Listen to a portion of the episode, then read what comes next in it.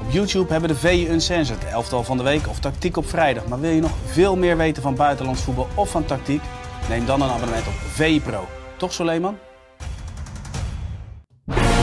Dit is het elftal van de week. Als dat je met je vriendin op de bank Notting Hill zit te kijken. Net Inspect the Gadget, hè? Ik heb uh, afgelopen weekend over voorassist gedroomd. Onnavolgbaar. Hij is weer ouderwets een absoluut statistieke monster. Dus dat is gewoon mooi. Dit is zo'n romcom. Van Suleiman en Jarno. Ja, het is dinsdag en dus tijd voor het elftal uh, van de week. Ja, ik zit natuurlijk zoals elke week aan tafel met Suleiman Usturk. Suleiman, ik moest even wennen bij het, uh, ja, het, het, openen van de mail. Dan bekijk ik jouw elftal en was ik wel geschokt. Want er staat geen speler in van op dit moment de best voetballende ploeg van Europa. Tenminste, dat is mijn bescheiden mening. Ja, eh, dat komt omdat... Uh, je hebt het over Leverkusen Dortmund, neem ik aan. Um, dan had ik weer een speler moeten nemen die we al behandeld hebben. Um, en in die wedstrijd vond ik een andere speler uh, erg opvallen. Dus heb ik voor een speler van de tegenstander gekozen. En dat moet ook kunnen bij een 1-1 uitslag. Ja, ben ik dus helemaal dat is eigenlijk de reden dat ik geen... Dat is even wennen, want het is gewoon niet eerder voorgekomen dit seizoen. Oké, okay, dat wist ik niet, maar uh, bij deze moet je nagaan hoe eerlijk en zuiver dit elftal is. Het is echt niet ja. geloven. Zullen we gelijk ja. het elftal erbij pakken? Maar als je dit elftal kijkt, ja. op een gegeven moment dan weet je, ja, dan kun je ook een klein beetje in de toekomst kijken. Dan weet je dat de dingen die daar gaan gebeuren. Um, maar goed, nou, daar komen we zo misschien wel even nou, op. Mag ik daar iets over zeggen? Ja. Ik vind het vooral een elftal waarbij je dus, ondanks dat, stel dat je eventjes een afslag gemist hebt, of dat ja. het even niet goed gaat. Sinterklaas heb gevierd. Sinterklaas heb gevierd, maar dat het gewoon weer goed kan komen. Dat, dat is ook wel een beetje in dit elftal. Oké. Okay. Begrijp je welke? Uh, nee, ik heb geen idee over nee? wie het hebt, maar laten we gewoon beginnen, want ik heb zin om over voetbal te praten. Precies, elftal, komt hij aan. Nou, Suleiman, hier zien we de, doelman. Goed voetballend doelman, dat gaan we zo meteen bespreken. Trent Alexander-Arnold, daar hebben we een vraag over. In die zin, ja, waar, welke kant moet het op? Verder zien we Hummels, Livramento, een mooi middenveld met Dybala, Kroos, Rabio en Colosso. Dat vind ik een interessante speler trouwens. Ik vind heel veel mensen een interessante speler. Ja, maar deze vind ik echt heel interessant. Voorin Darami, oude bekende, Robbie en uh, Kulusevski, want dat was natuurlijk een schitterende wedstrijd. Maar laten we eens beginnen met de, doelman. Uh, we hebben het vaak over het voetballende gedeelte. Nou, dat beheerst hij zeer zeker. Nou, je hebt natuurlijk de heatmap, heatmap gezien ja. van uh, Atobolo. Noah Atobolo. Atobolo. Ja. ja. Uh, en die heeft de heatmap, die is vergelijkbaar met Onana en Ma Mike Magnan. Hè. En, en, als je gaat kijken naar de wedstrijden van Vrijburg en je hebt vroeger in het verleden uh, Mark Vlek aan het werk gezien. Die stond natuurlijk ook bekend als een goed meevoetballende doelman die eigenlijk ja. tussen zijn twee centrale verdedigers vaak inkwam om, om dan van daaruit het spel uh, te beginnen, de opbouw te beginnen. Um, en dat zie je deze Atu Bolu ook doen.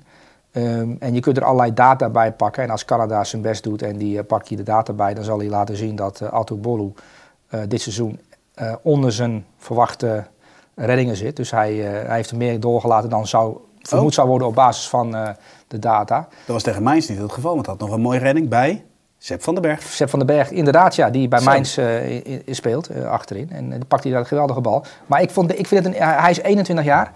Um, want laten we gewoon eventjes uh, gewoon cruciale informatie geven voordat mensen denken, waar gaat dit over? Noah Atobolu, 21 jaar, doelman van Jong Duitsland.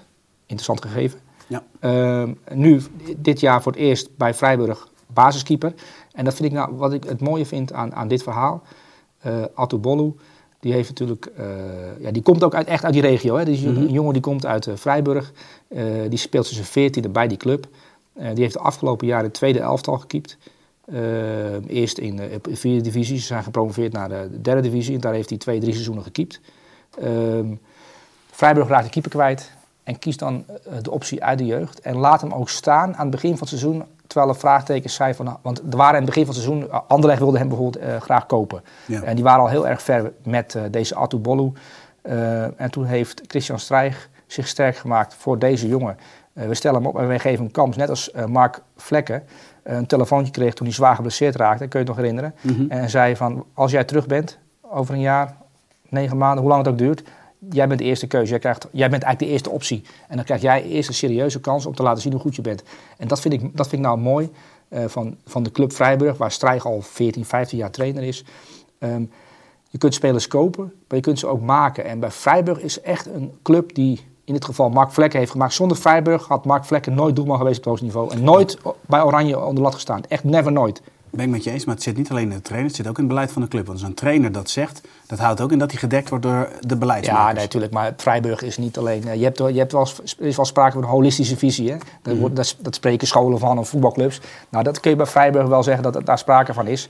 Eh, dat is natuurlijk clubbreed. Ja. En dat is al heel lang zo. Eh, want Strijger komt zelf ook uit, uit de jeugd. Die is jeugdtrainer geweest. Want die is nog veel langer verbonden aan, aan, mijn, of aan eh, Vrijburg dan je denkt. Want die is al midden jaren negentig, werkt al bij die club. Dus dat is, eh, dat is een soort Ferguson-achtige constructie vanuit de jeugd doorgegroeid. Ehm, maar dat vind ik gewoon mooi. Mooi verhaal ook. Jong Duitsland, nu eh Freiburg, eerste seizoen in de, in de Bundesliga. En als je zijn profiel bekijkt, hij kan goed meevoetballen. Hij heeft ook een geweldige Ja, ja, ja, eh, uitstraling, zeker. vind ik, voor een doelman. Er staat echt iemand in die 16. Ehm, en als hij op alle vlakken verbetert, dan weet ik zeker dat we deze jongen, Noah Atubolu, eh, in een topcompetitie. En hij speelt natuurlijk al in een topcompetitie, maar bij een uh, Vlekken is natuurlijk naar, eh, naar Brentford gegaan. Maar ik denk dat eh, wel meer clubs nu eh, deze jongen in de gaten gaan houden. Want hij is pas 21, jong Duitsland, potentie. eh, en meerdere vinkjes hè, eh, vinkt hij aan. Dat Ja, zeggen, hij kan en meer- voetballen en hij kan en, en, en eh, hij is in zijn eigen 16 goed. Maar, maar hoe meer eh, trainers, laat maar zeggen, eh, de Serbi gaan kopiëren, Ja. hoe groter de kans dat Absoluut. hij in de top terecht komt. Ja, ja, ja. Maar mooi, eh, mooi, zeker. En eh, prachtige uitstraling. Maar wat voor cijfer krijgt voor zijn optreden tegen Mainz? Nou, ze hebben met 0-1 gewonnen. En Freiburg, is, die, die blijven ook gewoon heel constant presteren. Hè? Want je hebt natuurlijk Union Berlin gezien, Champions League. En nu de trainer eruit geflikkerd. En, en paniek en eh, strijden tegen degradatie. En Freiburg is heel steady. Als het wat minder gaat, blijft het steady. Dan komt het weer goed. En, en ja, het zou ook wel mooi zijn als Freiburg, zonder gek te doen... ehm, ook bij de eerste vier kan eindigen. Is on- onrealistisch. En als je dat eh, voorlegt aan Strijg, begint hij te lachen. En zegt, doe even normaal. Ga bij een andere club zitten, maar niet hier, komen met die on- niet hier aan mee aankomen met deze onzin bij deze club. Eh, maar vooral Atubolo in de gaten houden. Interessante doelman. Absoluut. Wilde ik even gezegd hebben. Ja, maar mooi, daar heb je ook Ja. de tijd voor. Dankjewel. Wat voor cijfer? Een 9. Een 9. Hey, we gaan naar Trent Alexander-Arnold. Dat is wel een interessant thema. Het is natuurlijk al jaren een hele goede back. Heeft zijn, zijn rol iets aangepast bij Liverpool. Speelt meer aan de binnenkant dan dat hij echt, laat maar zeggen, als spelmaker aan de buitenkant speelt. Nu wil in Engeland de discussie eh oplaaien over het feit van... oké, daar speelt hij dus als middenvelder. Nationale ploeg speelt hij als middenvelder. Precies. Ja. Moet hij bij Liverpool vaste middenvelder worden en moeten ze gewoon een nieuwe back kopen? Of vind jij van niet? Ik heb daar mijn twijfels over, maar ik ben vooral benieuwd naar jouw mening. Nou, ik denk wel dat Liverpool op zoek moet naar een tweede rechtervleugelverdediger. Ehm, dat is Maar zo. als in dat hij naar het middenveld kan of als backup? Allebei, want je, je, je, hebt gezien wat er kan gebeuren als je eh blessure hebt op je middenveld. Dan kun je Trent Alexander-Arnold naar voren schuiven. Maar je hebt ook gezien waarom Southgate bijvoorbeeld Trent Alexander-Arnold niet als rechtsback opstelt. Want je speelt tegen Mbappé. Ja, dat is killing. Trent Alexander-Arnold tegen Mbappé is de wedstrijd verloren. Kyle Walker tegen Mbappé heb je een kans. En ja, die optie moet je wel hebben. En ik denk dat ze bij Liverpool eh, eh, niet geïnspireerd zijn door eh, Gareth Southgate. Ehm, dat denk ik niet. Maar als je gaat kijken naar zijn ontwikkeling. En het is natuurlijk al een aantal jaren aan de gang. En ik denk, dat Gary Lineker de eerste was, vijf jaar geleden al. Die zei van ja, maar die jongen heeft zo'n geweldige trap. Die heeft zoveel inzicht. Dat is echt een, een, een, blikopener. Als je die binnenveld zet. Die, die gaten die je ziet voor Diaz, voor Nunez, voor Salah. hij weet ze te vinden. En dat zag je ook weer in deze wedstrijd eh, tegen Fulham. Zodra hij op het middenveld aan de bal komt, dan heeft hij vier, vijf opties. En ook de moeilijkste weet hij te spelen. Ehm nou, natuurlijk een geweldige trap. Ehm, en je ziet hem bijna niet meer op die rechterflank. Wat je, wat je ook nu vaak ziet gebeuren bij Liverpool. Dat als eh, er wordt omgeschakeld door de tegenstander. Dat hij recht naar achteren loopt. En dat Matip bijvoorbeeld op de rechtsbackpositie tijdelijk even uitkomt. Doordat hij rechtscentraal, of dat hij recht, rechtscentraal naast Van Dijk staat. Dat zie je ook regelmatig gebeuren. Ehm, dus hij is eigenlijk al middenvelder bij Liverpool ook. Alleen heel sporadisch staat hij dan nog rechtsback. Dus Ja, maar mijn de, vraag, de is vraag dan- is, moet je daarvoor, is, ben je dan in topwedstrijden halve finale tegen eh, Paris Saint-Germain, Liverpool bijvoorbeeld, Mhm. of eh, halve finale Doku, of eh, kwartfinale FA Cup Doku, ja, dan is Trent Alexander-Arnold, dan heb je een probleem, want hij kan echt niet verdedigen. Hij kan wel positioneel redelijk staan, maar als Doku het op een lopen zet en, en begint te dribbelen, dan is hij kansloos. Dan heb dan je je Wan-Bissaka spaarzame- nodig. Maar dan praat je over die spaarzame momenten Maar die in- in spaarzame momenten bepalen wel eh, Zeker. of jij wel of geen prijs pakt. Maar de andere wedstrijden, en, en, en daar ben ik wel nieuwsgierig naar, is nou de kracht dat hij op het middenveld komt. Ja, en, en in hoeverre gaat die kracht verloren op het moment dat hij al op het middenveld vast staat? Ja, dat is eh, een interessante kwestie. Eh, en dat gaan we natuurlijk bij de nationale ploeg meer zien. Ehm, waar hij nu ehm, op het middenveld staat. Maar dan ga je ook... Ja, Declan Rice is daar natuurlijk degene die, eh, ehm, die daar ook speelt. Je hebt Bellingham die nu iets naar voren speelt. Wat, een- wat voor de bondscoach natuurlijk ideaal is. Ja. Ehm, maar Trent, Rice, Bellingham en Foden... Dat vierkant heb je ongeveer hè, tot je beschikking. Dat is wel aardig. Ja, veel beter bestaat er niet in de wereld op dit moment, denk ik. Qua potentie, qua talent. Het hebt over het middenveld. Ja, waar moet je Nee, dat dan... eh. Kroatië had het. Maar dat, dat zijn oude jongens aan het worden. Nou, de Spanjaarden zijn op zoek natuurlijk naar eh, spelers. En die zijn Gavi kwijtgeraakt. Ehm, die hebben ook aardige spelers. Maar echt, als je gaat kijken naar eh, intensiteit, dynamiek, beweging, verdedigende kracht, power, snelheid, techniek. Ja, dan heb je met Reis, met Trent Alexander-Arnold, eh, met Foden en met Bellingham... heb je alles wat er, wat er in het voetbal goed is. Dat, dat, Ja. dat vertegenwoordigen zij. Wat dat betreft is het ook wel interessant om dat middenveld tegenover het middenveld van Frankrijk. Dat zijn natuurlijk ook echt kanonnen. Alleen, ja, Ja. dan, dan, is, dan is misschien Bellingham wel de doorslaggevende factor. Ja, en de Bellingham van nu, hè, die, die natuurlijk weer een jaar ouder is. Ja. Want Engeland-Frankrijk was natuurlijk een cruciale wedstrijd op het WK. ehm, kwartfinale. Zeker. Eh, en, en, en dat werd nipt gewonnen door Frankrijk. Eh, die hadden wel een overwicht. Ehm, maar de Engelsen zijn weer een jaar verder. En, en, en, en de Fransen die, die doen het al jaren op dezelfde wijze.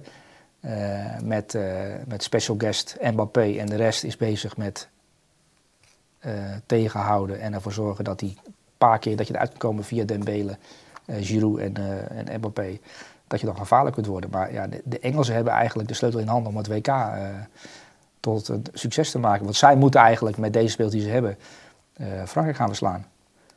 Zo is het. Maar wat voor En- cijfer...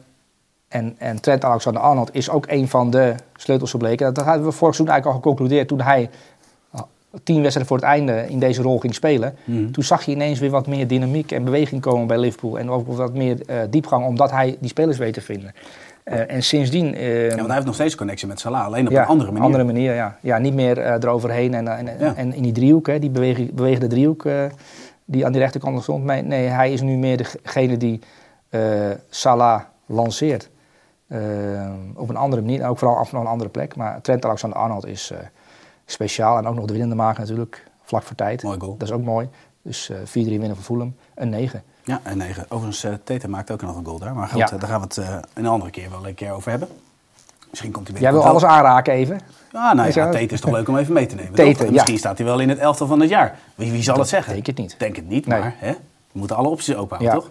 Breedblik. Eh, we gaan naar de volgende, dat is Mats Hummels. Hij is de oorzaak dat we het niet hebben over een speler van Leverkusen. Dat is even wennen, dat hebben we dit seizoen nog niet meegemaakt. Maar ehm, Hummels, behoorlijk op leeftijd. Maar als je dan tegen zo'n ja, voetbalmachine als Leverkusen...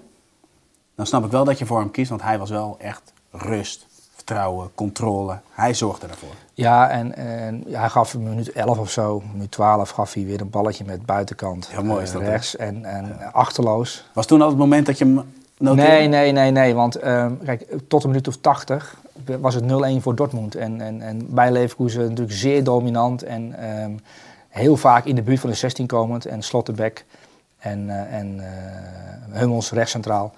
Eh, die hielden dat redelijk aardig dicht. En hij kwam ook... Heel, wat ik niet van Hummels gewend ben, is dat hij eh, ook overal tussen zit. Als een soort van Engelse verdediger. Eh, da- het is natuurlijk een, een, een jongen die, die vooral moet hebben van wat jij net beschreef, de kant en Mhm. rust aan de bal. Maar ik vond hem ook zonder bal defensief nu echt een kerel en een leider van Ja, de en veel defensie. vooruit, hè? En veel vooruit ook, ja, doordekken. Ja. Eh, want ja, Boniface is natuurlijk een hele bewegelijke, dynamische spits die op verschillende plekken komt. En, en, en er komt Wiers erbij en het beweegt vooral Ja. bij. En, en, Le- Leverkusen is één grote wasmachine. En ik vond dat Hummels daarin eh, redelijk overeind bleef. En ook durfde inderdaad door te dekken op heel vaak Victor Boniface. Ja. Dus gewoon een geweldige wedstrijd gespeeld van, eh, van deze Mats Hummels. En dat vond de commentator ook, want op een gegeven moment... eh, de commentator van deze, Duitse commentator van deze wedstrijd werd, eh, werd steeds enthousiaster over, over Mats. En ik ook, negen. Mooi. Zullen we dan naar de volgende gaan? Want dat, dat is ehm Livramento. Tino, Ja. Livramento, Ja, maar ik wil toch even aangeven. Ik dacht Trippier, een tien. Bruno, Gordon, Een tien, misschien Lewis Miles. Ik denk, nou, dat, die, die, daar ga je uit kiezen. ja. Maar wat is nou, heb je nou eerst naar Lee Ryder gekeken? Nee, nee, nee, want ik heb eh, de cijfers van Lee Ryder heb ik erbij gepakt. En Trippier kreeg een 10 en terecht, want hij was de beste man op het veld. Maar om, eh, we hebben het al zo vaak over Trippier gehad. En dan kunnen we de data erbij halen en zeggen dat hij de meeste kans creëert in de Premier League. Dat weten we allemaal al. En ik vond dit gewoon een interessante speler, Tino Livramento, die nu als linksback, want het is een rechtsback, hè? want het Ja. is eigenlijk de reserveoptie achter Trippier. Ja. Maar omdat Dan Burn weg is, omdat Sven Botman weg is eh, en eh, Newcastle eh, moet puzzelen. En dat vind ik wel knap van Eddie Howe, dat hij de afgelopen weken toch resultaat heeft gepakt in de Champions League, maar ook in de competitie. Eh, met Tino Livramento, de rechtsback, op de linksbackpositie. Ehm en Ik vond zijn dribbles opvallend trouwens. ja, maar dit is natuurlijk wel een groot talent die, eh, die bij Southampton vandaan komt. En daar ook als groot Mhm. talent. En ik heb hem opgeschreven, 21 jaar. Speler van Jong Engeland. Maar ze maken zich nu in Engeland niet alleen over de positie van Alexander Arnold een beetje zorgen. Maar ook over ehm, Tino Livramento. Want zoals je misschien wel of niet weet. Maar hij heeft ook een Portugees eh, moeder of vader. Ja. Ehm, en ook een Schotse roots. Dus hij kan spelen voor Engeland, Schotland en Portugal. En hij is nu zo goed bezig bij Newcastle dat al die eh, bonden denken van jeetje, wat Ja, een, wat een goede linksback. denkt, eh, hey, daar hebben we nu de Maar, maar het is een rechtsback. Dus dat is, de, dat is nog de grap. Maar op de linksbackpositie kan hij dus makkelijk een topwedstrijd in de Premier League aan. Pas 21 jaar. Ehm, en ja, ik denk dat Marcus Rashford... Nou, dat was niet bij dat hij gewisseld werd. Maar ja, die was op een gegeven moment na 10 minuten al, al eigenlijk weggespeeld door deze jongen. Want hij heeft hem vier, vijf keer laten lopen. Hij probeert het wel, gaat er aan de binnenkant staan. En dan kijkt hij om, oh hij is weg. En dan een beetje pseudo kijken van ja, ik, had het, ik heb het wel geprobeerd trainen, maar ik zie hem gaan en ja, ik ben nu te laat. Je, hebt het wel, je ziet het wel in jeugdvoetbal vaak. Hè. Dan krijgt een, een, een rechtsbuiten straatvoetbaltje krijgt de opdracht om ook mee te gaan met de back. En die weigeren dat dat eh, vier, vijf keer. Hoe doe jij dat als amateur trainer als je rechtsbuiten weigert mee te lopen? Gewoon wisselen meteen? Nee, niet meteen. Maar ik vind het vaak zonde om een rechtsbuiten achter een bek aan te laten lopen. Daar Oh, zijn ook jij lost het weer oplossingen ander- voor. jij lost het weer Nee, anders nee, maar, nee, maar, nee, maar nee, we, gaan niet over, we gaan het nu niet over amateurvoetbal hebben. Want dit is het elfde van de week. We hebben het nu over topvoetbal. Maar wat Gaan vind jij? Li- Livramento, Nou, een vind- jongen van 21 jaar die eigenlijk een halve wedstrijd vrij staat. Ja, dat klopt. Maar ik vind dat je dat niet bij Rashford in eerste instantie neer moet. Oh. Ik vind dat het opgelost moet worden. Want je wilt toch domineren? Ja. Je speelt tegen Newcastle. Je wilt Ja. er niet alleen maar achter de bal aan lopen. Op het moment dat, dat je dus de hele wedstrijd zegt van ja, luister, jij bent verantwoordelijk voor je bek. Dan kun je dus ook niet de rest van de wedstrijd meer domineren. Nee. Dus ik vind dat daar een andere oplossing voor gevonden zou moeten worden. Waardoor je ook Rashford in zijn kracht zet. wil niet zeggen, er hebben altijd situaties dat hij er wel achteraan moet. Maar toch niet een hele wedstrijd. Het kan toch niet zijn dat hij heeft de hele wedstrijd vrijgestaan. Dat het de hele wedstrijd de schuld van Rashford is. Dat vind ik echt niet. Nee, maar dat zei ik ook niet. Maar Nee, maar, even een beetje theatraal. Ja, theatraal. Ja, Zo zijn we ja, ook, hè? Ja. Maar het is wel vooral diepgang, snelheid. Nou, jij hebt het over dribbelvermogen gehad. eh, in de 16 komend. En, en eh, ja, dit type speler. En Frimpong is ook zo'n speler. Grimaldo is zo'n speler. Eh, ja, eh, een jongen in, in combinatie ook met Anthony Gordon. Die naar binnen waait. Die was weer goed, hè? Ja, ja, Oh. ja, ja, maar die is zich echt enorm aan het ontwikkelen bij Newcastle. Die krijgt zoveel zelfvertrouwen. Heeft natuurlijk bepaalde... Persoonlijk vond ik hem de beste. Ja, maar die hebben we vorige week al gehad. Ja, dat weet ik. Dat weet ik. Dus je kan niet elke week dezelfde spelers gaan kiezen. maar daarom zeg ik, als je dit, want dat, dat bedoel ik eh, mee aan te geven, als je dit elftal een beetje volgt, Anthony Gordon, vorige week hebben behandeld, eh, en dan ga je met nieuwe ogen naar hem zitten kijken en dan zie je weer nieuwe dingen. Zo, Ja, ja, zo zo. gaat dit. En dus met deze Tino eh Livramento natuurlijk ook zo, die moeten we ook even benoemen, zodat je ook met andere ogen misschien naar de linksback van Newcastle gaat het kijken. met je eens. En ik denk als deze jongen nog een paas met buitenkant rechts gaat geven, dat de Portugese bond gaat bellen. Jij bent de opvolger van Cancelo. Oké. Nou, hij heeft al, al heel veel interlands gespeeld voor Engeland onder 15, onder 16, onder 17, onder 19. Ik denk dat hij gewoon voor Engeland gaat kiezen. Ja, Ehm, Ziyech alleen, speelde ook in de jeugd alleen- van Oranje. Ja, dat klopt. Maar hij is rechtsback. Dat is een probleem, want ze hebben daar zoveel keus dat, eh, dat ze een, een van de rechtervleugeldegens nu middenvelder hebben gemaakt. Daar hebben we het net over gehad. Mhm. En ja, Tino Livramento kan ook op de linksbackpositie spelen. Ehm, Interessant. interessante optie voor Southgate richting het eh, EK. Helemaal eens. Wat voor cijfer krijgt hij? Een 9. 9. We gaan naar het middenveld. We beginnen met eh Dybala. Eh maakt Ja. een penalty, maar ik, ja, het, het hakje op Christensen. Nou, ik heb het niet. eh, eh, Ja, dat was geweldig, de Christensen. En, en Karsdorp speelde natuurlijk de eerste helft eh, aan die kant. En Ja. de tweede helft kwam Christensen erin. En die liet we even zien hoe dat moet. Als dynamische rechtervleugeldediger eh Eh, spelen. Dynamisch, gewoon een powerhouse. Ja, maar dat is natuurlijk, de- deze jongen die komt bij Leeds vandaan. Als ik, het, als ik me niet vergis, toen voel ik hem al interessant talent. Speelde hij aan de andere kant. En hij speelde nu op de plek van Karsdorp in de tweede helft. En ik denk dat Mourinho wel na deze wedstrijd heeft geconcludeerd... oké, Christensen is wel iets betere optie eh, aan, aan die kant dan Karsdorp. Maar lo- los daarvan, eh, ik vind dat we het af en toe over Dybala moeten hebben. Want hij speelt bij AS Roma. En AS Roma eh, is zo'n ploeg waar geen Nederlander vrijwillig naar kijkt. Want ja, Mourinho, eh anti-voetbal en daar heb ik geen zin in. Ehm, en het gaat... Ja, maar heel eerlijk, hoe, hoe zeg je dat? Even gewoon eerlijk zijn, hè? Jij kijkt heel veel voetbal. ja. jij hebt in het weekend over het algemeen, ik heb je vrouw hier ontmoet, dus je hebt een hele lieve vrouw, maar zij, zij gunt jou de afstandsbediening in het weekend, toch? Ja, maar ik heb... Maar jij gaat toch niet zeggen dat je Roma, dat je, je kijkt het wel, maar niet dat je op voorhand al helemaal zit te popelen, of wel? Jawel, want... Jawel. Ja, ik, Echt? ik, ga, ik, ik heb hier echt goed voor zitten. En we gaan, we gaan al die spelers na. En ik moet zeggen dat eh, als je Paulo Dybala... eh als je daarop focust... En het gaat natuurlijk in de Serie A... Wie is nou de beste speler in de Serie A? Eh, is dat Lautaro Martinez, de spits van Inter? Is dat Barella, middenvelder van, van Inter? Is dat Kvaratskhelia, de linksbuiten van Napoli? Is dat Osimhen? Maar als je gaat puur gaat kijken naar, naar, naar, naar, naar het pure talent... en elke bal die hij aanneemt is bijna dat je denkt van... Jezus, Dybala. Jij speelt bij AS Roma uit liefde voor Mourinho. Ehm, en het feit dat jij bent daar bij die club echt bent geaccepteerd als de jongen die je bent. En dat is bij Paulo Dybala wel eh, belangrijk. Ehm, maar zet op de plek van João Felix bij Barcelona. En we hebben het elke week over deze jongen. Hij is zo ongelooflijk goed. En als hij vrij is en lekker mag voetballen en die rol heeft die hij van Mourinho heeft gekregen, is dit is de beste speler in de Serie A. Met, een beetje met de, de enige die afstand. Sneijder in, in het verleden onder Mourinho had bij Inter. Gewoon echt, gewoon echte vrijheid. Nou, hij, heeft, hij, is, hij is de enige speler die vrijheid heeft. En Cristanten bewegen daar als een soort van soldaat omheen. En, en, en Roma zit redelijk goed in elkaar. En die, die zijn nu richting, richting de top aan het sluipen. Maar Paulo Dybala is echt een feest om naar te kijken. Elke bal die uit de lucht valt, die, die legt hij dood. Eh, hij dribbelt tegenstanders voorbij, ziet passes. Eh, de balbehandeling is echt fluweel. En hij was deze wedstrijd... eh, hij, hij schiet die penalty binnen en ook in aanloop naar die penalty is hij belangrijk. En dan geeft hij hakbal op Christensen. Maar daar heb ik er niet voor geselecteerd. Eigenlijk voor alle andere momenten. Het was echt genieten. Weergaloos optreden van, eh, van Paulo Dybala. Alleen het wordt maar 2-1 tegen Sassuolo. Maar ze winnen wel uit, hè, AS Roma. Ehm, en ze spelen natuurlijk geen Europees voetbal, spelen om de week. Ehm, maar als je dan van voetbal houdt en eh, je wil echt een voetballer zien, je wil de beste voetballer in de Serie A zien, ja, dan moet je, eh, dan moet je AS Roma aanzetten. Hoe, hoe erg dat misschien ook klinkt eh, voor jou. Nee, ik- het klinkt niet erg. Ik kijk altijd wel de Ja. samenvatting terug, kijk de hoogtepunten terug. Ik heb in dit geval de beelden van die ballen teruggekeken. Ja, ik zal echt binnenkort een keer een hele wedstrijd aanzetten. Ja, nou, je kan ook gewoon de Dybala-cam aanzetten en dan gewoon eventjes eh, ehm, het versneld afspelen. Dat doe ik ook hè, regelmatig, hè, versneld afspelen. Oké, Keer twee goeie wedstrijden. tip. Goeie tip. Dat Cijfer? scheelt, dat scheelt dan eh, tijd. Dat scheelt zeker tijd. Wat voor cijfer krijgt hij? Een 9. Een 9. Oké, dan gaan we door naar de volgende middenvelder, Tony Kroos. Ja. Daarvan denk ik wel eens van, oké, Modric, eh Kroos. Ja, er zijn momenten dat ik denk van, nou, nu moet het toch wel echt wel een keer klaar zijn. ja. En dan laat ze weer zien van, oké, het kan nog steeds. Sterker nog, je hebt zelfs nog het idee dat ze zich blijven ontwikkelen. Nou, ik vond... eh spelen ook thuis tegen Granada en het is zo'n tussenwedstrijd die je moet winnen. Maar ja, de helft van de selectie is, is er niet. Eh, geblesseerd, weggevallen. En nu zijn ze ook Carvajal nog eens kwijtgeraakt. hè, De rechtsback, die is ook eh, tot eind van het jaar uitgeschakeld. Dus het Ja. wordt nog meer puzzelen voor, eh, voor Ancelotti. Maar goed, we winnen wel met 2-0. En dan gaf natuurlijk die bal op Brahim Diaz, die de 1-0, dat de 1-0 betekende. En, en, en waarmee die wedstrijd gewonnen wordt. Maar wat een ongelofelijke masterclass. eh, passing eh, vanuit die eh linkerzone een beetje tussen de Ja. verdedigers in, weet je wel. En, en elke keer uitstellen, wachten, ja, nu bam, tik. En dan hard ook. En hard ook, ja. Zo zuiver Ja. en zo precies. En Tony Kroos, het is wel eens eh, machine geno- eh, genoemd. En de, de, de, de Kroos-control. en hij had weer die, die, die Kroos-control inderdaad. Het was, bijna elke bal was goed.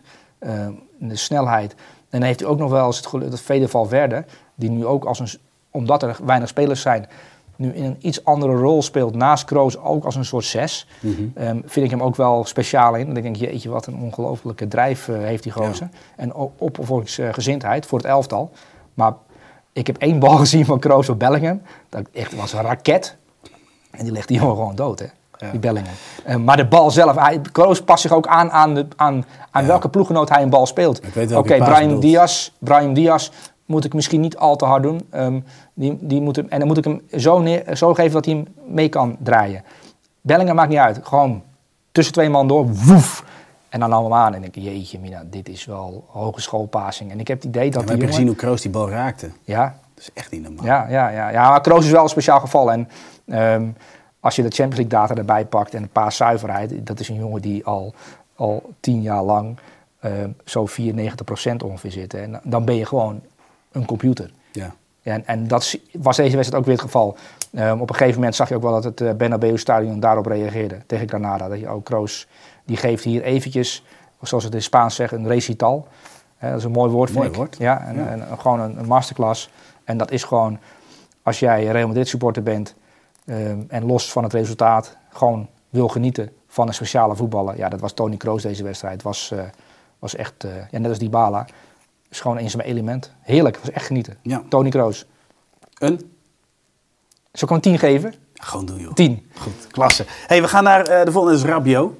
Daar heb ik echt van genoten. We hebben het wel eens gehad in, over het verleden van Fernando Redondo. Dat was echt, nou, dat vond ik echt een waanzinnige voetballer. Ja, En bij die actie, laat maar zeggen, waar we de assist die hij op een gegeven moment gaf bij de, bij de 2-1, moest ik daar ook een de beetje aan slotfase. denken. Ja. De, de, de 2-1, de assist. Ja. Hij, ik zeg niet dat hij hetzelfde type is. Hij speelt ook niet helemaal op dezelfde positie. Nee. Maar hij doet me wel eens denken aan Redondo in de Real Madrid tijd. Ja, kijk, Rabiot is natuurlijk een speler die, die, die interessant wordt gevonden door heel veel trainers. En eh, dat, dat Ten Hag hem naar United wilde halen, hij- hij heeft natuurlijk wel een, een reden. Dat snap ik Eh, wel. hij is ehm, in balbezit vast en precies. eh, heeft een bepaal, hij, heeft, hij heeft een dribbel, dat heeft hij laten zien bij de assist op die 2-1, dat hij op power en techniek een tegenstander voorbij kan. Ehm, maar wat je bij hem nu ziet, eh, hij heeft nu een bepaalde leeftijd bereikt, is natuurlijk ook wereldkampioen eh, of, eh, geworden. Ehm, hij zit bij die Franse ploeg. Is ook gewoon een vast onderdeel van die Franse ploeg. Voor Deschamps een belangrijke speler. Een van de eerste opties in die opbouw bij Frankrijk met En dat zegt veel, hè, met al die opties ja, die ze ja, hebben. Ja, ja, zegt heel veel. Maar is gewoon een, een, een, echt een leider geworden van, van dit Juve. Wat heel ver weg is gevallen. Ehm, en wat nog steeds moeizaam zijn wedstrijden wint. Het is niet ehm, dat je denkt van jeetje mina, ik zit op het puntje van mijn stoel. Dit Juve, dat laat eh, de voetbalgoden genieten. Dat is het natuurlijk niet. Nee. Ehm, maar Rabiot is wel een sleutelspeler voor dit Juve. Ehm, die kopbal die hij binnenkomt, ook prima, weet je wel. Is- hij, hij is in beide 16 is hij goed. Ja. Ehm, op het middenveld is hij goed. Eh, hij is een belangrijk uitspelpunt voor zijn ploeggenoten.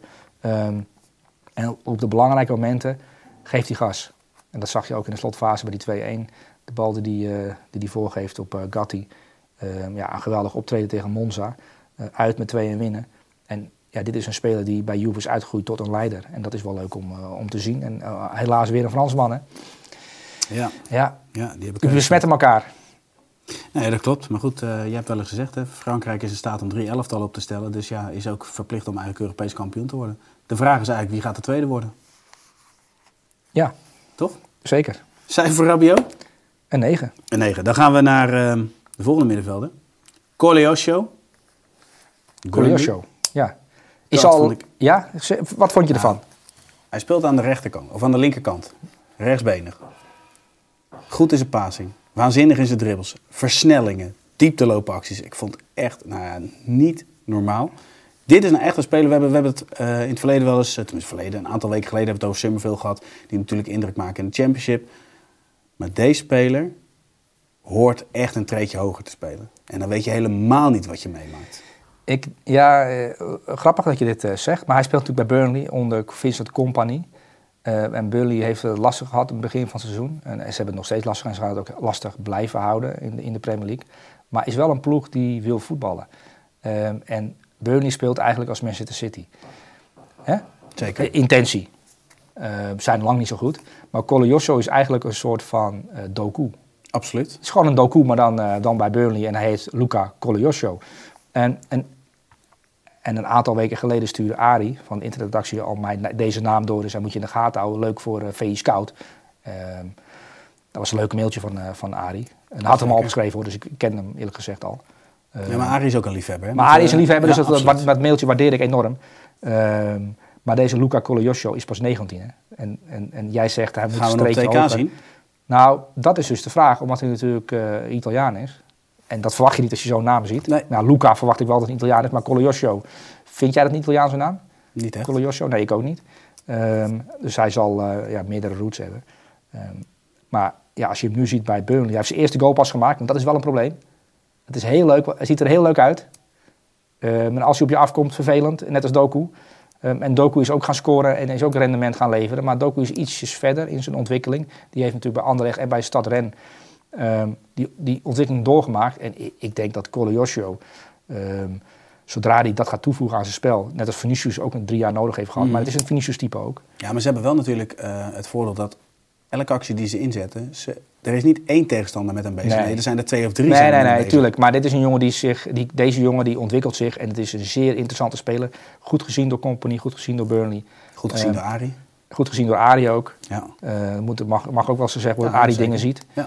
Ehm, maar 19 jaar, eh, international van Jong Italië. En het kan zomaar dat hij het komende half jaar bij Burnley zodanig belangrijk wordt dat, dat de bondscoach van Italië, Spalletti, voetballiefhebber, en die zoekt nog een Kvaratskhelia, een speciaal type.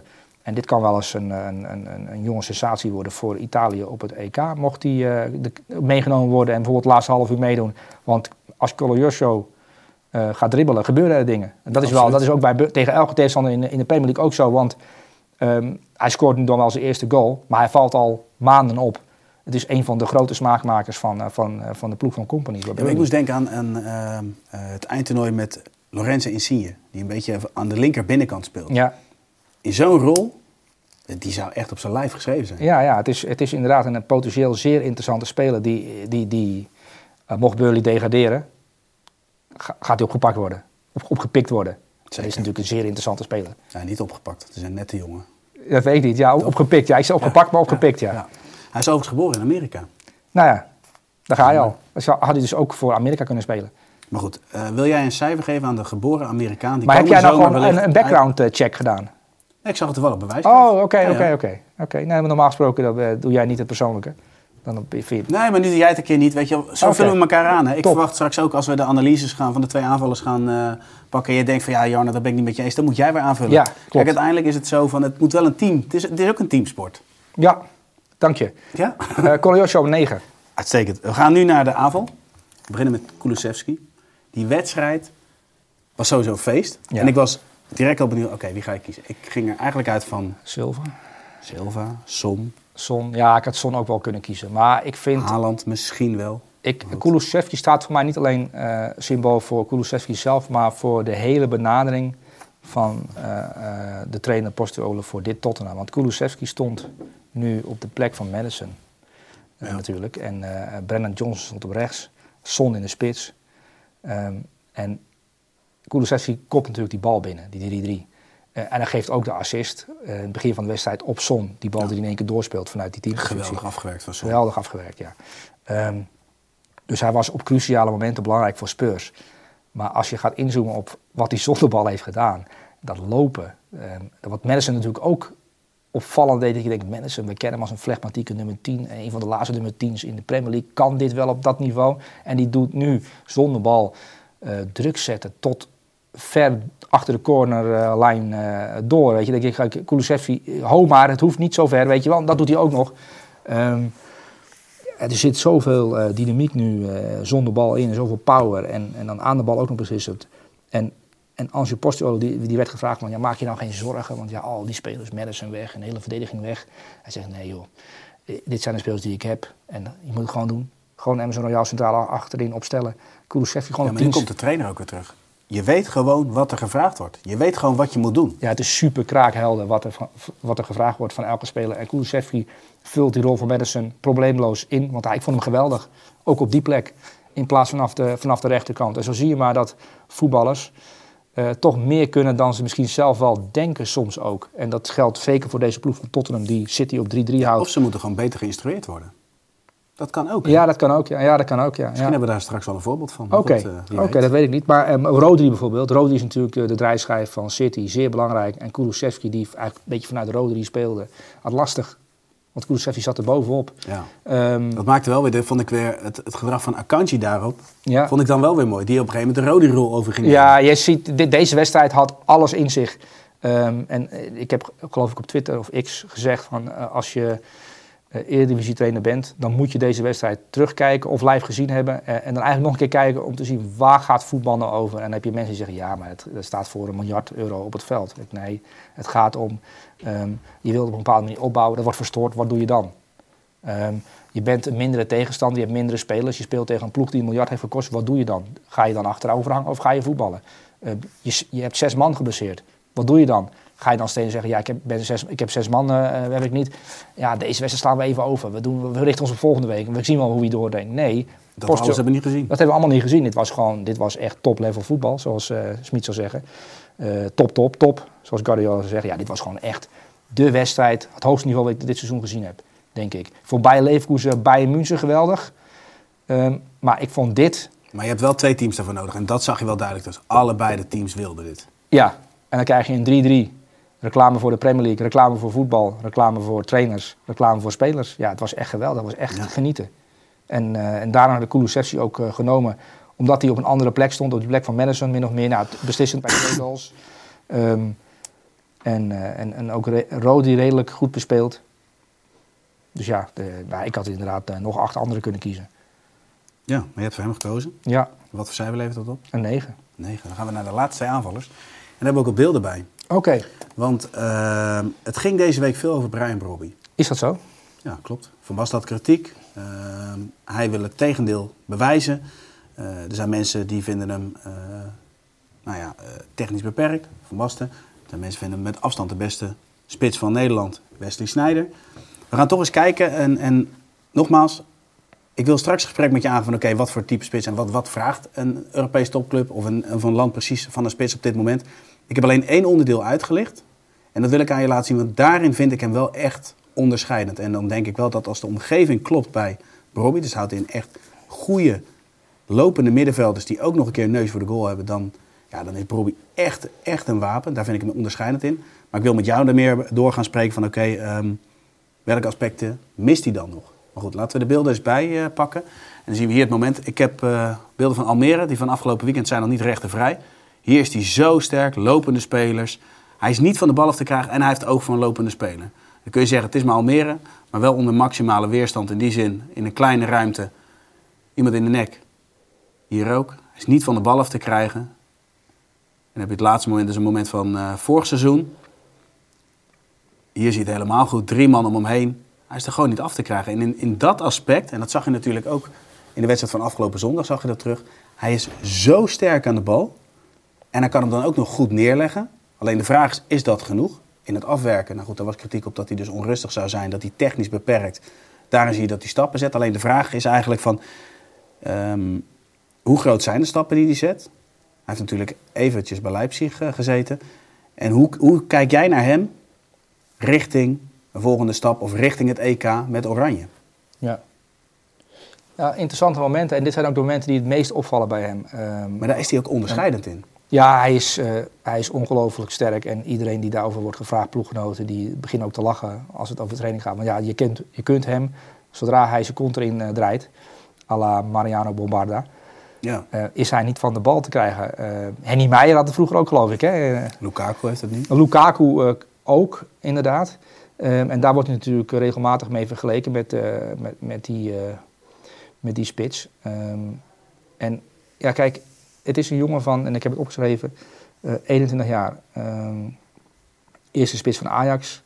En er is natuurlijk wat een muur om geweest. Hij is bij Oranje gehaald. Dus er zit een ontwikkeling in. En, en, en iedereen heeft daar nu een mening over. En uh, Bobby moet dan, daarop reageren. Want ja, Van Basten roept wat. En dat is met Van Dijk ook gebeurd. En Van Basten Ja. over allerlei spelers roept hij natuurlijk wat. Want het is Van Basten die als het nationaal voetbal geweten... Ja, maar zeker als, als voormalig topspits. Ja, ja nee, natuurlijk. Maar ik, ik bedoel het ook positief. Nationaal voetbal geweten. En die elke maandag eh, dan het woord richt tot... eh, tot voetballers en, en, en, en dan, en dan zijn uitspraken doet. En als Van Basten iets zegt, en ja, Bobby die, die krijgt dat natuurlijk te horen, dan, dan doet dat iets met je. Dan denk ik, goh, jammer die kritiek en daar moet ik iets mee. En, en, en je ziet dat die jongen daarmee bezig is en daar reageert hij dan ook op.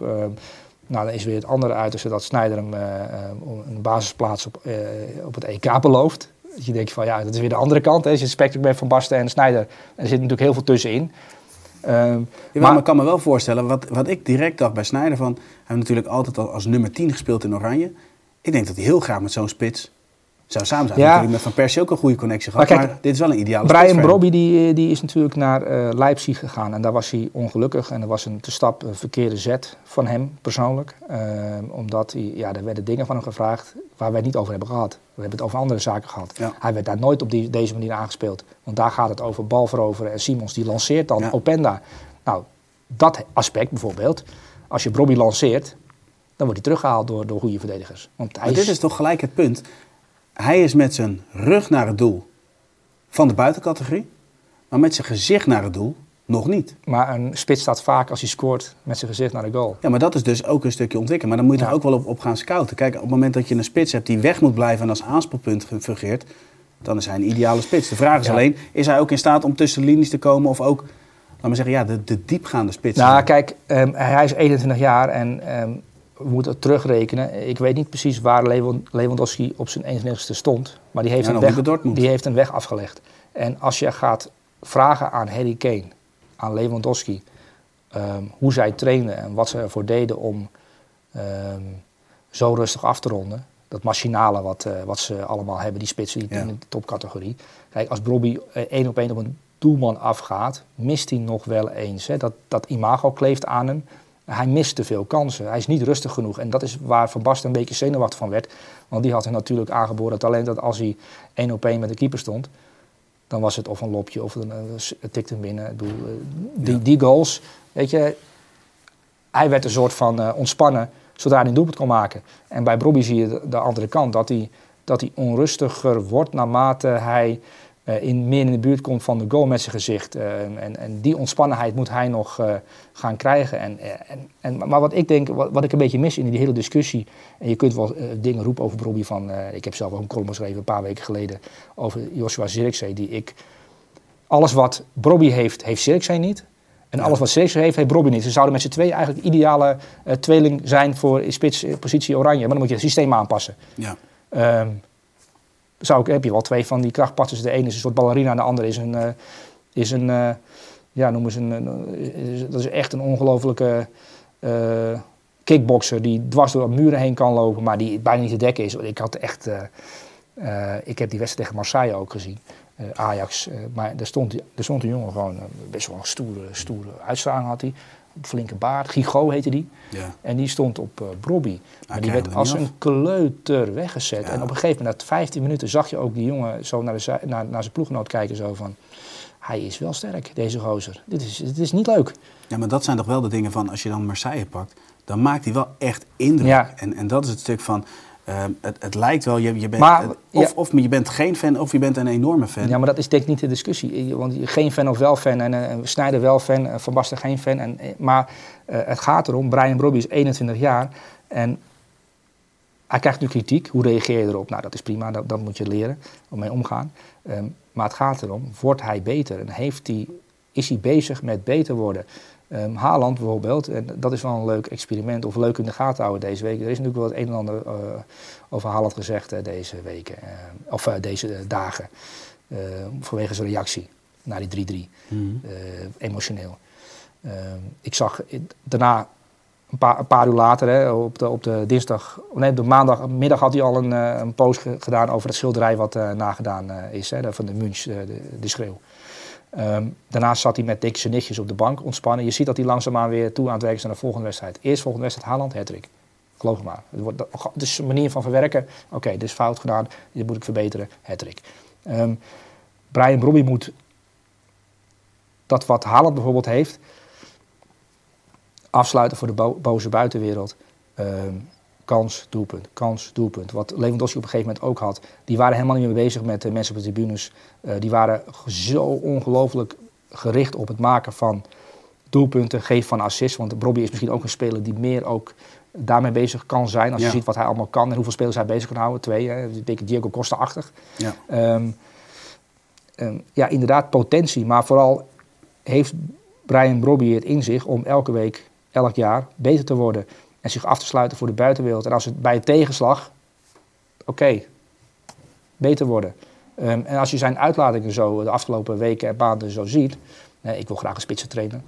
Ik wil graag beter worden. Ik ben nog jong, ik moet beter worden. Ik ben ermee bezig. En je ziet, ik vind ook dat hij bijvoorbeeld ehm, de afgelopen maanden veel meer beweging in zijn spel heeft zitten. Die het meer van, ik bedoel, dat, Ook zonder bal. ja, zonder bal. Dat hij ook gewoon diep gaat en achter de, de defensie probeert te komen.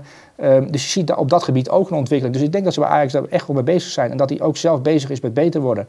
En eh, ja, Brian Broei moet ook gewoon goed om zich heen kijken naar die topspitsen die nu eh furoren maken en eh, eh, die het verschil maken. En eh, hij heeft natuurlijk alles mee qua fysiek. Eh, wat gaat erom? Heeft hij alles mee in zijn hoofd zitten en zit dat op een rijtje? En dat moet hij op een rijtje gaan krijgen. En hij moet, ja, dat noem je dan groeimindset. Maar als ik jou eens hoor, heb jij wel goede hoop. Nou, je kunt niet weten of iemand bereid is om in zichzelf te noemt investeren. een- ja, maar je noemt hier net een aantal punten al op. Ja, maar dat moet blijvend zijn. Ik bedoel, Iataren, die is natuurlijk ook weer nu opgedoken bij een club. Dachten we ook eventjes bij Ajax, toen hij bij Jong Ajax aansloot en, eh, toen eh, de kans kreeg in de voorbereiding. Hij is er weer. Ja, hij was er twee weken. Nee, je moet er tien jaar zijn of vijftien jaar zijn. Ehm, en eh, het gaat erom dat je, dat je op een gegeven moment een modus ontwikkelt waar je je prettig bij voelt. En dat je dan 3, 24 bent als Bobby, zijn. En dat je dan gewoon 20 per jaar maakt. Of 25 per jaar. Of nog meer. Ja. En daar gaat het om. Doelpunten te maken, belangrijk zijn voor je ploeg. Eh, en dat week in, week uit. En de rest is onbelangrijk. En, da- en dat is de, de, de, eh, de mindset die je moet gaan krijgen. Die Haaland bijvoorbeeld ook heeft. En die laat zich eventjes eh, gaan. En die is nu alweer op aarde gezet door zijn omgeving. Door zijn vader. door zijn nichtjes. Een jongen, is niet zo belangrijk. Het gaat om dat je die kansen afmaakt. Want hij heeft ook een kans gemist. En, en, Brian Brobby moet gewoon elke week beter worden. En dan kan Koeman op een gegeven moment niet meer om hem heen. Richting het, eh, richting het EK. Maar om... eh, ik wil niet de spelbreker zijn. Maar Memphis Depay, fit, is gewoon de nummer 1 spits van Oranje. Maar het is wel prettig als je Brobby erbij kan hebben die, eh, die, die, die, die heeft doorgeleerd, doorontwikkeld, Ja. beter is geworden. En, en, en op zijn sterke punten nog beter wordt, hè, want het gaat vaak over zwakke punten verbeteren. Precies. Sterke punten verbeteren, want daarin is hij wel uniek.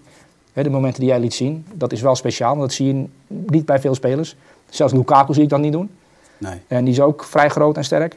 Ehm, maar Lukaku zie ik ook wel eens ehm, van eh, eigen helft 40, 50 meter een sprint trekken en dan een bal afmaken. Nou ja. Is de toptijd bij Inter. En ook bij AS Roma nu eh, is hij weer belangrijk. En die heeft er ook behoorlijk wat gemaakt voor de nationale ploeg van, eh, van België. En die stond er op zijn 16 al. Ja, en wat ik hier interessant vind is dat, dat we ook inderdaad weer een, een speler uit de Eredivisie en dan ook wel een beetje de vergelijking met de, nou ja, de Nou, positie ik had jou-. Dat ik vind ik had- interessant. Ik had jou gemaild voortgangsrapport graag van Brian Robbie. Omdat het gaat, het is natuurlijk veel, veel rumoer om Brian Robbie en iedereen vindt er wat van. Ehm, en ja, er zijn een aantal spelers. Eh Dallinga die ontwikkelt zich eh, bij Toulouse en die is daar nu boos dat hij op de bank zit en dat hij, eh, dat hij dan een reserve is. Of althans de afgelopen wedstrijd. Je hebt Sirkzee, die zat op de bank nu. Uh, Sidney van Houding speelde natuurlijk. Ehm, maar die is zich aan het ont- ontwikkelen bij Bologna. En die heeft daar een trainer die hem ook vrijlaat. En, want ik heb Sirkzee heeft natuurlijk een interview gegeven eh, maandagavond bij de Vrienden van Rondo. Waarin hij vertelde dat hij vrij moet zijn in zijn hoofd. Dat is een bepaald type. Dus, en, en dat is wel, ja kijk, dat is, dan ga je al een kant op, weet je, oké. ehm, ingewikkeld. Zeker. Ehm, ja, hij moet vrij zijn in zijn hoofd. Maar je, hebt ook, ook je komt natuurlijk trainers in je, in je leven tegen, of personen in je leven tegen, die jou minder vrij laten voelen in je hoofd. Maar ook dan moet je je werk doen. En dat. Weet Maar dan heb je alweer, het ging in de ronde ook over keuzes maken. Blijf je langer in Nederland, ga je naar het buitenland. Ja. Ik denk dat er eerder is van, past een club bij je, past een trainer bij je. Dus dat, dat zijn zulke belangrijke afwegingen in, in het maken van je keuze. Want nogmaals, als dat een belangrijk aspect is, ja, dan denk ik niet dat die onder Nagelsman moeten gaan spelen. Nee, want eh, nou, Robbie heeft natuurlijk onder Nagelsman gespeeld, als ik het goed heb. Nee, ik heb het in dit geval dan over Zirkzee. Ja, maar Ja. van Robbie zou kunnen. Maar dat, ik heb dan over Zirkzee, dat, dat is dan geen goede combinatie bijvoorbeeld. Ja, maar dat geldt voor heel veel spelers. En dat geldt voor heel veel trainers. Ehm, dat geldt ook bij, eh, voor Chelsea nu. Daar gaan heel veel jonge spelers heen. Maar Pochettino is nou niet het type trainer dat, dat vind ik, dat eh, heel veel vertrouwen geeft aan jonge spelers. En jonge spelers die, die doorbreken en die goed genoeg zijn. Ja. Ja, die, die, die, die breken onder hem door. Dan kun je zeggen, dat, dat is prima. Maar ik, wat je nu, ik vind dat bijvoorbeeld bij Chelsea, dat eh, is gewoon... ehm, ja, ehm, daar lopen spelers echt tegen muren op. En vraag me af op Madueke, hoe gaan we die nog terugzien? Op welke, welke wijze, waar gaat hij weer terugkeren? Want die moet weer op een lager niveau instappen. En die komt van PSV vandaan en die ontwikkelt zich totaal niet. Nee, maar goed, Chelsea is wat dat betreft voor veel spelers een soort... Nou, maar ja, ik, ik kan me zo voorstellen dat Chelsea komende zomer denkt, hé hey, Robbie, 25 miljoen, waarom niet? Pak hem Ja, maar. en is de volgende speler die in dan de zegt Robbie, prima. eindigt. En dan zegt Robbie prima. Dat is niet Kijk, dus het gaat erom, eh, in het hoofd van Brian Robbie, en daar, kan, daar, kan, daar, daar kunnen weinig mensen in. Want als je hem interviews ziet geven, denk je ook niet, goh... eh? Zie je dat dan als een uitdaging ook? Want jij, jij spreekt ook wel eens met eh, spelers van Jong Oranje. Ben je wel eens op, eh, nou ja, Nee. op bezoek geweest? Zou, zou je dan wel eens het gesprek met hem aan willen gaan? Of ik met Brian... Nee, Ja? nee niet, niet specifiek, maar het zou het wel leuk vinden natuurlijk. Met, maar met iedereen hoor. Bedoel, jongens die, eh, die ambitieus zijn en die bij bepaalde clubs zitten en die, die meer willen. Maar ja, ik ben vooral benieuwd ehm, hoe ze erin staan en wat ze dan doen. En, eh, en of ze dan vrijwillige tv aanzetten. Er zijn echt jongens die er echt mee bezig zijn en ehm, echt beter worden. En er zijn jongens die denken, ja, het zal wel, eh, het, geld is goed en eh, ehm, ik wil spelen. En als de trainer niet opstelt, is het een klootzak. Weet je, Ja. dat, die, dat is die simpele mindset. Maar je moet vooral beter willen worden. En, eh, en als, je, als je de kwaliteiten hebt die Bobby heeft, ehm, En, en ik denk wel, als, nu te zien dat hij, dat hij wel echt beter aan het worden is. En hij krijgt natuurlijk ook de, de- het vertrouwen van, eh, van Schip Ja. en daarvoor van Stijn. Eh, Maar wel kritisch lange termijn in de gaten houden. Kijken of hij het op over een hij, moet, hij, moet, hij moet beter worden en dat elke keer laten zien en het afdwingen. En, en dan heeft hij alle mogelijkheden om zich door te ontwikkelen tot een, tot een serieuze spits bij een serieuze club in een serieuze competitie. Interessant. Ehm, ja. En leuk dat we weer een speler in de Eredivisie. Ik moet zeggen, Saibari lijkt me ook leuk om binnenkort een keer te bespreken. Die maakt ook indruk, maar goed, dat gaan we bewaren. Eh cijfer Broebin, dan gaan we naar de laatste aanvaller. Een 8. Een 8. Weet je, dat is La- niet hoog. laag? Ja, Nou, een 8. een 8. Oké, we gaan naar de laatste, Mohamed Darami. Ja, Verleden bij Ajax. Ehm, ja, de, de vraag is ja, daar nooit helemaal uit de verf gekomen. Eh, de vraag hoe goed is die jongen eigenlijk? Nu bij Stade Rijms maakt hij echt indruk. Onder een goede jonge trainer. ja. Eh, ik heb twee momentjes eh, gepakt. En wat leuk hieraan is, hij heeft hier de connectie met Matoshiba. En dan is het het bewegen, laat maar zeggen, zonder bal doet hij dan goed. En dan moet je zo meteen opletten. Hier wordt Matoshiba aan en dan heeft hij die diepgang zonder bal. Dus daar is hij goed in. En nogmaals, hij is één van de twee spitsen. ja. Dat maakt het mooier. Vervolgens komt hij in de volgende situatie. En waar hij dan ook goed in is, hij is een grote ruimtegoed. Hij heeft hier centrale verdediger heeft hij aan zich gebonden. Heeft hij dus het grote gat gecreëerd. Maar vervolgens ziet hij dus ook de ruimte voor de lopende spits die naast hem speelt bij Stade Rijms. En dat ja, maakt het wel tot, tot een, ja, wederom ook wel een speler die een soort 9,5 is of zo. Weet je. Hij kan uitzakken, hij kan draaien met zijn gezicht naar de goal, met zijn rug naar de goal. Beide momenten is hij comfortabel. Ja. Kan bewegen zonder bal voor zichzelf, maar ook de ruimte inschatten voor een ander. En ik- dat, dat heb ik bij Ajax nooit teruggezien. Eh, nee, Op want, deze manier. ehm, Want in druk zetten, dat heb ik trouwens niet uitgelicht nu, is die ook goed. Ja. Ja, nee, kijk, Mohamed Darami is natuurlijk eh, voor veel geld verkocht door Ajax aan Stad Rijms. Relatief veel geld, ik bedoel eh, 12,5 miljoen plus Ja. bonussen. Dus, en ik heb het opgeschreven, het kan oplopen tot 17,5 miljoen. Voor een mislukte linksbuiten van Ajax. Prima die natuurlijk ge- gescout is in, in Denemarken, bij Kopenhagen. Mohamed Darami. Ehm, en het is natuurlijk ook wel lastig om bij Ajax buitenspeler te zijn. Ik bedoel, Bergwijn heeft het natuurlijk ook lastig. Ehm, als aanvoerder aan die linkerkant. Er is ook veel kritiek op en eh, er is altijd wel een vraagteken. Ehm, terwijl hij onder Van Gaal bij Oranje, kun je nog herinneren, stond hij natuurlijk niet aan de buitenkant, maar stond hij meer in, kwam hij meer in het midden terecht en speelde hij ook aan de andere kant. Ehm, en dan speelde hij eigenlijk een beetje zoals Darami nu, eh, die speelt. Ehm, en je moet je afvragen of jongens die snelheid hebben, die diepgang hebben, die techniek hebben, die power hebben, Bal vast zijn. balvast zijn. Of die nu nog aan de buitenkant moeten spelen. Of dat die juist in die halfruimtes moeten komen. Want Nou, ze Sané moeten bijvoorbeeld. ruimtes hebben om in te Ja. bewegen. Want hij Nou. speelt vanuit een 3-5-2. Sané bijvoorbeeld, Leroy Sané. Ja. Die natuurlijk ook bij City aan de linker buitenkant stond. Ja. En altijd van, ja, het is wel top. En je ziet dat hij geweldige dribbel heeft. En het is een kwaliteitsspeler. En nu bij Bayern München, met Kane erbij... zie je dat hij niet meer een linker buitenkant, eh linker buitenkant speler is... of een rechter buitenkant. Maar dat hij meer in, ja, in die ruimte tussenin komt. En dan is hij met zijn snelheid en met zijn dribbel en met zijn techniek... is hij bijna niet af te stoppen. Klopt, Ehm, maar daar heeft hij wel iemand aan de buitenkant voor nodig. Want dat houdt in dat hij dus die ruimte krijgt. Is er niemand aan de buitenkant, ja, maar dan dat- is hij makkelijk te verdedigen. Bij, bijvoorbeeld bij eh, Stad Rijms, we moeten het misschien ook even, even, even uitleggen, want eh, ja, wat je Mohamed Darami, Stad Rijms, ja, eh, dat zal wel. Maar Stad Rijms staat vijfde in de Ligue 1. En Stad Rijms is normaal een club die aan de onderkant van de Ligue 1 hoort te spelen. Ehm, en die hebben sinds vorig jaar een jonge Belgische coach met Engelse roots, Will, Will. Nou, goede naam voor een trainer, toch? Will Still. Zeker, ja, zeker. Ehm, en die is natuurlijk in het nieuws gekomen de afgelopen jaren omdat hij, eh, ja, ja, omdat hij jong is. En dan ben je al gauw de nieuwe Mourinho, als dertiger, of de nieuwe Nagelsman. Ehm, maar die is het nieuws gekomen omdat hij in een interview heeft gezegd dat hij houdt van managementspellen. Dus hij speelt graag voetbalmanager. En, en hij doet nu echt voetbalmanager in het echt. En een van zijn eerste wedstrijden was Paris Saint-Germain. En met zijn, hoe hij het neerzette, was hij in staat om Paris Saint-Germain af te stoppen. En daar had hij allerlei dingen voor bedacht. En het is een jongen die houdt van tactiek en er ook graag over praat. En als je interviews met hem leest, denk je, goh, interessante trainer, weet je wel. Mhm. Ehm, maar los daarvan, op het veld, gewoon de, de, de praktijk. Ehm, afgelopen seizoen top, eh, spelers ontwikkeld. En je ziet nu ook dat die, eh, zo'n Darami, die wordt dan gehaald voor 12 12,5 miljoen. Dan denk je, dan denk je jeetje, wat, wat neemt Rijms voor een ongelofelijke gok met een jongen die compleet mislukt is ehm, in de Eredivisie.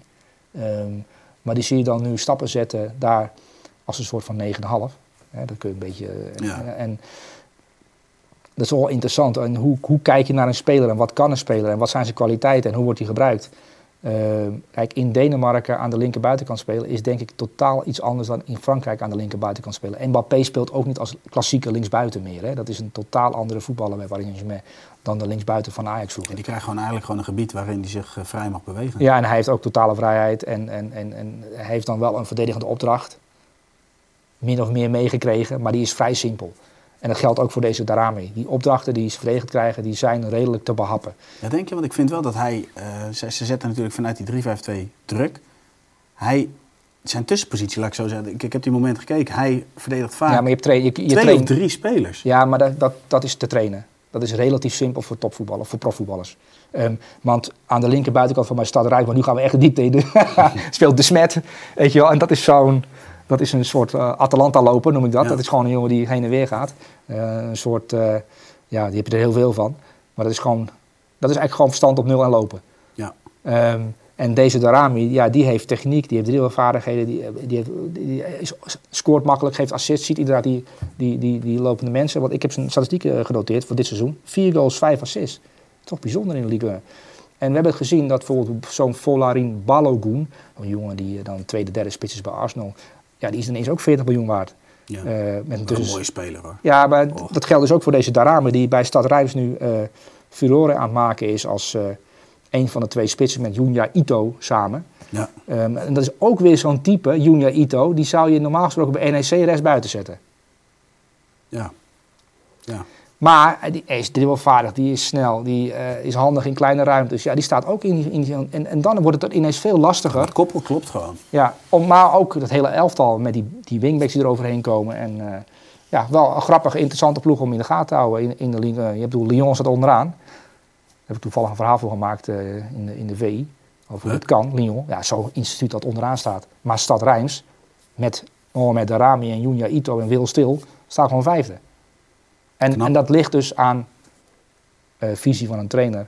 En hoe, hoe kijk je naar spelers. En daar ging het eigenlijk het hele elftal weer over. Want Trent Alexander-Arnold was, is ook zo. En dat geldt dus ook voor Brian Brobby. Ik vind het eigenlijk een beetje simpel om... eh, ik, ik ga hier niet dingen roepen over Snijder, want dan, dan, wordt, dan krijg je dat weer allemaal in koppen. eh, dat Snijder er geen verstand van heeft. Eh, maar Snijder... Jij weet dat er nu al een kop uitkomt, hè? Ja, dat weet ik. Maar Snijder heeft. Snijder heeft dingen geroepen en Van Basten roept, roept, roept dingen. Ehm, maar waar het om gaat, ehm, hoe kijk je naar Brian Brobby, wat verwacht je van hem en, en, en, en hoe is het elftal om hem heen opgebouwd? En er zijn trainers die van Brian Brobby een top 9 maken en er zijn trainers die van Brian Brobby een reservespits maken en, en alles ertussenin. Ehm, en voor, voor de rest moet hij gewoon ehm, ja, beter willen worden. En als hij dat zelf wil, dan wordt het een topspits. Eens. En dat geldt dus ook voor deze Darami die, eh, die op zijn plek is bij Stad Rijms en daar zich ontwikkelt. Prima toch? Ja. En ook wel weer mooi de ode aan de trainers. In dit geval Will Stil. Die dat toch goed gezien heeft. Nou, Wil Stil is, is, eh, is zo'n naam, die moet je even noteren. Want die gaat denk ik wel stappen maken. En er komt op, op een gegeven moment een club die denkt... hé, hey, wij willen beter worden. En we hebben behoefte aan een trainer. Niet uit het oude rieltje. We gaan niet onze telefoongids eh, bekijken van alle trainers die we al een keer gebeld hebben. Nee, we nemen een nieuwe. En dan is Wil Stil een optie. Net zoals Tottenham het aandurfde om Ange Postecoglou aan te stellen. En kijk wat er gebeurt met die club. Is in beweging. Hetzelfde gaat voor Celtic, eh, die de treble wint met hem. En dat- deze Wil Stil is nu bij Stad Rijms bezig. En eh, ehm, ja, dat is een trainer die, eh, waar topclubs op een gegeven moment eh, van gaan besluiten. Moeten wij de privéjet van de voorzitter laten komen, ja of nee? Want je weet natuurlijk dat Arne Slot er ook in gestapt, als ik het moet geloven. Ja, ja. Dus, Ja, dus- maar hij zal het niet bevestigen.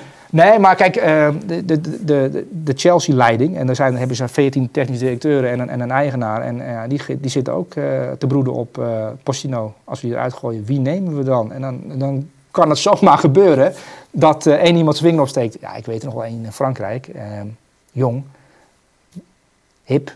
Laten we hem gewoon doen, Wil Stil. Gewoon En dan is Wil Stil die goed Engels spreekt, want Roots in Engeland, ineens trainer van Chelsea. En is de cirkel rond. En dan is de cirkel rond. Ja. Zullen we de ruimte nog een cijfer geven? En negen. Nee, ik vond trouwens wel weer een eh, Vond je genieten? ja, knap elftal weer hoor. Wat dat betreft is het bij jou ook alsof je gewoon... Jij, speelt ook gewoon een soort voetbalmanagerspel. Je kijkt wat wedstrijden en, en dan komt er dit uit. Ja, dat klopt ook. Dat. Zo is het ook een beetje. Het is, ik vind het leuk om te doen. En eh, kijk, eh, over leren gesproken en eh, we hebben het over Bobby gehad. Ik leer elk weekend nog bij. Ja. Ja. Nee, dat ben ik met je eens. Door, door gewoon te kijken naar, naar spelers. En op een gegeven moment, kijk, als je Pieter Zwart kan bijhouden, Als je begint te praten over voetbal, denk je, ja, Pieter, klopt. Eh, ja, dat is, ja, dat, ja, klopt. Ja. Dan, dan eh, ben je redelijk op de, op de hoogte. Daar ben ik met Moet je. een VE Pro voor nemen, hè? Ja. Want dan eh, krijg je dit soort zaken ook mee. ja, dan weet je Ik- echt alles. Ja, Kijk, ik weet of jij de, de, de- het stuk van Sam Planting hebt gelezen op VE Pro. welk stuk? Over, over Nice. Ja, zeker. Ja, ja, ja. Ja. Natuurlijk. Ja. Over de, de geheime kwaliteiten van Nice. Ik heb trouwens, eh we hadden het gehad over Rosario, Pablo Rosario. Ja. Die is rechtsback nu bij eh, Nice. En die stond tegen Nantes, uit bij Nantes tegenover Simon. En Simon is een kanon. Ehm, dus Rosario had wel, die werd ook gewisseld. eh, want die jongen die had iets van 30 eh, hoge intensiteitssprints in die wedstrijd. Ja, dan, dan loop je wel achter iemand aan. Hè? Ja, dus was wel... Maar goed, High intention runs. Mooi. Ja, Ja. Nee, maar dat is toch ook mooi. Maar dat is ook wel weer leuk. Kijk, vanuit dat stukje, vanuit elftal, blijf je ook die spelers volgen. En ja, soms is het heel mooi wat ze doen, maar soms is het ook heel lastig. ja, Hè? ja. Maar ik heb er veel geleerd van je, Solly. Ik wil je, ik wil je danken voor dit Ga je mooie hierin knippen? elftal. Ga je hierin knippen? Of is het, dit Nee, is nee, gewoon, nee. dit Dit is wordt, gewoon dit input, wordt gewoon zo uitgezonden? Door. Oké. Doen we toch altijd? Nou, ik vind het een beetje vreemd dat twee mannen aan een tafel heel erg eh, eh, zelfgenoegzaam zeggen dat ze heel goed bezig zijn. Dat is best wel gek. Dat hebben we helemaal niet gezegd. We hebben gezegd dat we leren. Oh ja. Ja, ik zei eigenlijk wel gewoon, ik bedoelde eigenlijk dat ik heel goed bezig ben. nou jongens, eh, dit was het elftal van deze week. Laat even in de comments weten of ja, jullie het eens zijn met Suleiman. Is Suleiman daadwerkelijk goed bezig? Eh, alvast Ja. voor het einde van het jaar. Eh, we hebben nog een paar afleveringen van het elftal van de week. Maar we sluiten het jaar af met het elftal van het jaar. Dat gaan we met een uitgebreide topshow doen met vier man in de studio. Elke speler wordt uitgebreid belicht. Sterker nog, van elke speler maken we een losse video. Nou ja, laat even weten in de comments wat jullie daarvan vinden. Maar laat ook vooral even in de comments achter van... joh, wat willen jullie van bepaalde spelers weten? Wat willen jullie van Suleiman weten? Wat willen jullie van Bas van der Hoven weten? Ook dat nemen we mee ja, in de eindshow van het elftal van het jaar. Toch, Suleiman? Daar heb ik echt veel zin in. Ja, ik ook. En ik, ik eis oliebol op tafel. Het moet feestelijk uitzien, Nee, oliebol op maar tafel. oliebollen, kersttrui, alles hè? Ja, ja. Maar dat is, dat, Kaarsen. daar, is, daar is Matthijs al mee bezig. Hè? Dat is een, een beetje onze setdresser. Oké. Ingewikkeld wijntje gaat Ja, er erbij al- pakken. als ik hier kom en er is niks, er zijn geen oliebollen, er zijn geen kaarsen, er zijn geen kerstdruiven, dan rijd ik weer terug. Oké. Dus wil- ik wil wel gewoon een beetje dat de mensen wel het idee hebben van, goh, gezellig onder de kerstboom met, eh, met VI. Oké, Ja. duidelijk. Jongens, bedankt voor het kijken. Tot de volgende. Doei! Dit is het elftal van de week. Als dat je met je vriendin op de bank Notting Hill zit te kijken. Net Inspect the Gadget, hè. Ik heb eh, afgelopen weekend over voorassist gedroomd. Onnavolgbaar. Hij is weer ouderwets een absoluut statistieke monster. Dus dat is gewoon mooi. Dit is zo'n romcom. Van Suleiman